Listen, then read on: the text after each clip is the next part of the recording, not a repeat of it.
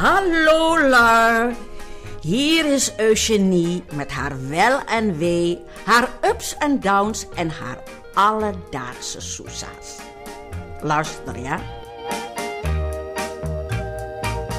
Hey, hebben jullie dat wel eens meegemaakt? Zo'n grijze koppenreis. En dan bedoel ik de reizen die men organiseert voor 55-plussers. En dat is dan voor een hele grote groep mensen, want als je 70 of 80 jaar bent, dan kun je je ook nog inschrijven hoor, voor dergelijke reizen. Mits je natuurlijk de prijs ervoor over hebt. Ja? En je vitaal genoeg bent om zo'n dergelijk avontuur mee te maken. Ja, tegen de tijd dat ik onrustig word en vakantiekriebers voel, is dat meestal wanneer ik drie maanden hard geploeterd heb. Dan loer ik al stiekem op internet of in de krant of er zo'n dergelijke reis zich aanbiedt. Ja, het moet natuurlijk wel aan een aantal voorwaarden voldoen. Het moet mij de zon brengen. En het moet binnen mijn budget passen. En dan weeg ik de prijs af met wat ik ervoor terugkrijg. Ja, dat is toch duidelijk, niet waar? Want je gaat voor de prijs, maar je gaat ook voor de kwaliteit.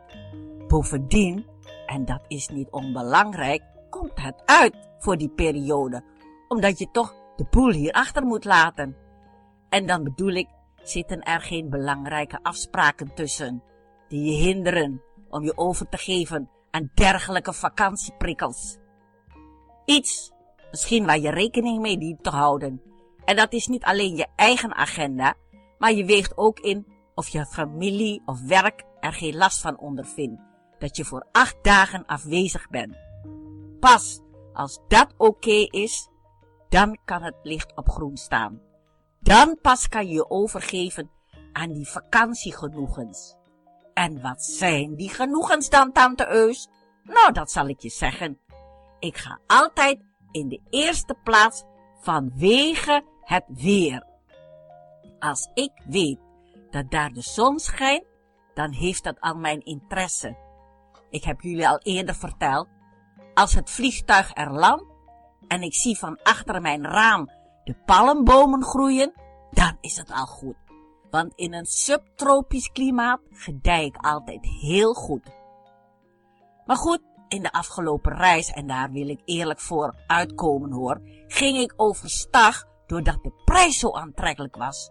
Nota bene, men beloofde de vakantieganger een vakantie naar Turkije voor de aantrekkelijke prijs van 195 euro.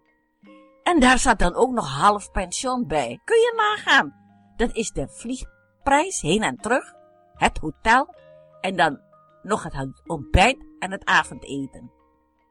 Thuis ben ik in een week bijna net zoveel kwijt aan boodschappen doen en zo. En dan, op vakantie, hoef je niks te doen. Je bed wordt opgemaakt. Geen boodschappen hoef je te, te doen. Je hoeft niet te koken. Het eten staat voor je klaar en je laat je lekker verwennen. Ja, lekker toch? Het was wel een rondreis, waar, waaraan een uh, excursie aangekoppeld zat. Dat betekende extra kosten van 170 euro. Maar ja, dan zag je wel wat van het land en zijn bezienswaardigheden. En het was inclusief de entree en de lunch, ja. Doe maar, doe maar, het kon niet op. Niet inbegrepen waren de drankjes, maar ja, een kniesoor die daarover valt, ja toch? Enfin, alles op een rijtje gezet, was mijn spontane reactie dan ook meteen boeken deze vakantie. George, mijn vaste partner, was er ook voor te porren. Dat betekent op de dag van vertrek vroeg uit de veren. Twee uur s'nachts opstaan. Om vier uur in de ochtend op het vliegveld. En om zes uur het vertrek naar Turkenparadijs. Uiteindelijk arriveerden wij om vier uur s middags op de plaats van bestemming. Een aardig hotel. Vier sterren. En het had ook nog een redelijk goede keuken. Maar echt uitrusten? Dat doe je niet op zo'n vakantie. Want door die excursies moesten we bijna elke ochtend om zeven uur uit het nest. Want om acht uur vertrok de bus. En wil je geen spelbreker zijn, dan dien je strikt op tijd te zijn. Soms, soms zat je negen uur achter elkaar in die bus om uiteindelijk op je volgende bestemming te zijn. Maar eerlijk is eerlijk. George en ik, wij hebben ontzettend veel gezien op die rondreis. We hebben uh, musea bezocht, Romeinse overblijfselen gezien, interessante bergketens, prachtige witstenen rotspartijen, mooie meertjes, leuke pittoreske dorpjes, gezellige souvenirswinkel, kortom, de reis was de moeite waard om meegemaakt te hebben. En niet onbelangrijk is de groep waarmee je optrekt. En waarmee je dan dagelijks mee te maken krijgt. Ik moet zeggen, het was aangenaam gezelschap. Gelukkig geen opdringerige mensen, niet te lawaaiig, geen overdreven lolbroeken of zeurkousen, maar nette, degelijke reisgenoten waren het, die zich aan regels en etiketten hielden. Ja, dat je op zo'n reis misschien toch nog iets te veel uitgeeft, dat is je eigen schuld.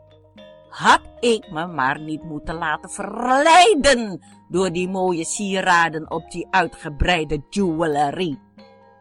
Een aantrekkelijk uitgebreide showroom waar de juwelen je toefonkelen. Ze brengen je er niets voor niets naartoe, maar weet precies hoe je de toerist moet verleiden. Evenals dat tapijten business center. Je kreeg er een demonstratie van dames die het knopen van een tapijt lieten zien. Daarna die prachtig geregisseerde show met een drankje vooraf. Om je ontvankelijk te maken voor al dat moois. Of een bezoek aan die uitgebreide leerfabriek waar je je met een modeshow vooraf een echte VIP voelde. Ja, het moet gezegd. Zij weten wel hoe ze de producten aan de man moeten brengen. En daar zit een goede reclamecampagne achter. En of je je dan al of niet daarin meegaat, hm? of je al of niet laat strikken, dat is aan jou. Dat moet iedereen voor zichzelf inwegen. In ieder geval, terug in eigen land kan ik terugkijken op een leuke vakantie. Ja, wij moeten eerst maar weer eens goed uitslapen. Want deze vakantie was wel heel erg vermoeiend. Ja, hoe bestaat dat, hè? Je moet uitrusten van de vakantie. Ja. Maar goed, ik heb er wel een mooie gouden hanger aan overgehouden. Niks goedkope vakantie. Nou ja, goed Eigen schuld, dikke bul. Ja, maar ja, een mens, zijn zin is een mens leven, toch? Ja, toch? En zeg nou zelf, het leven zit vol verleidingen.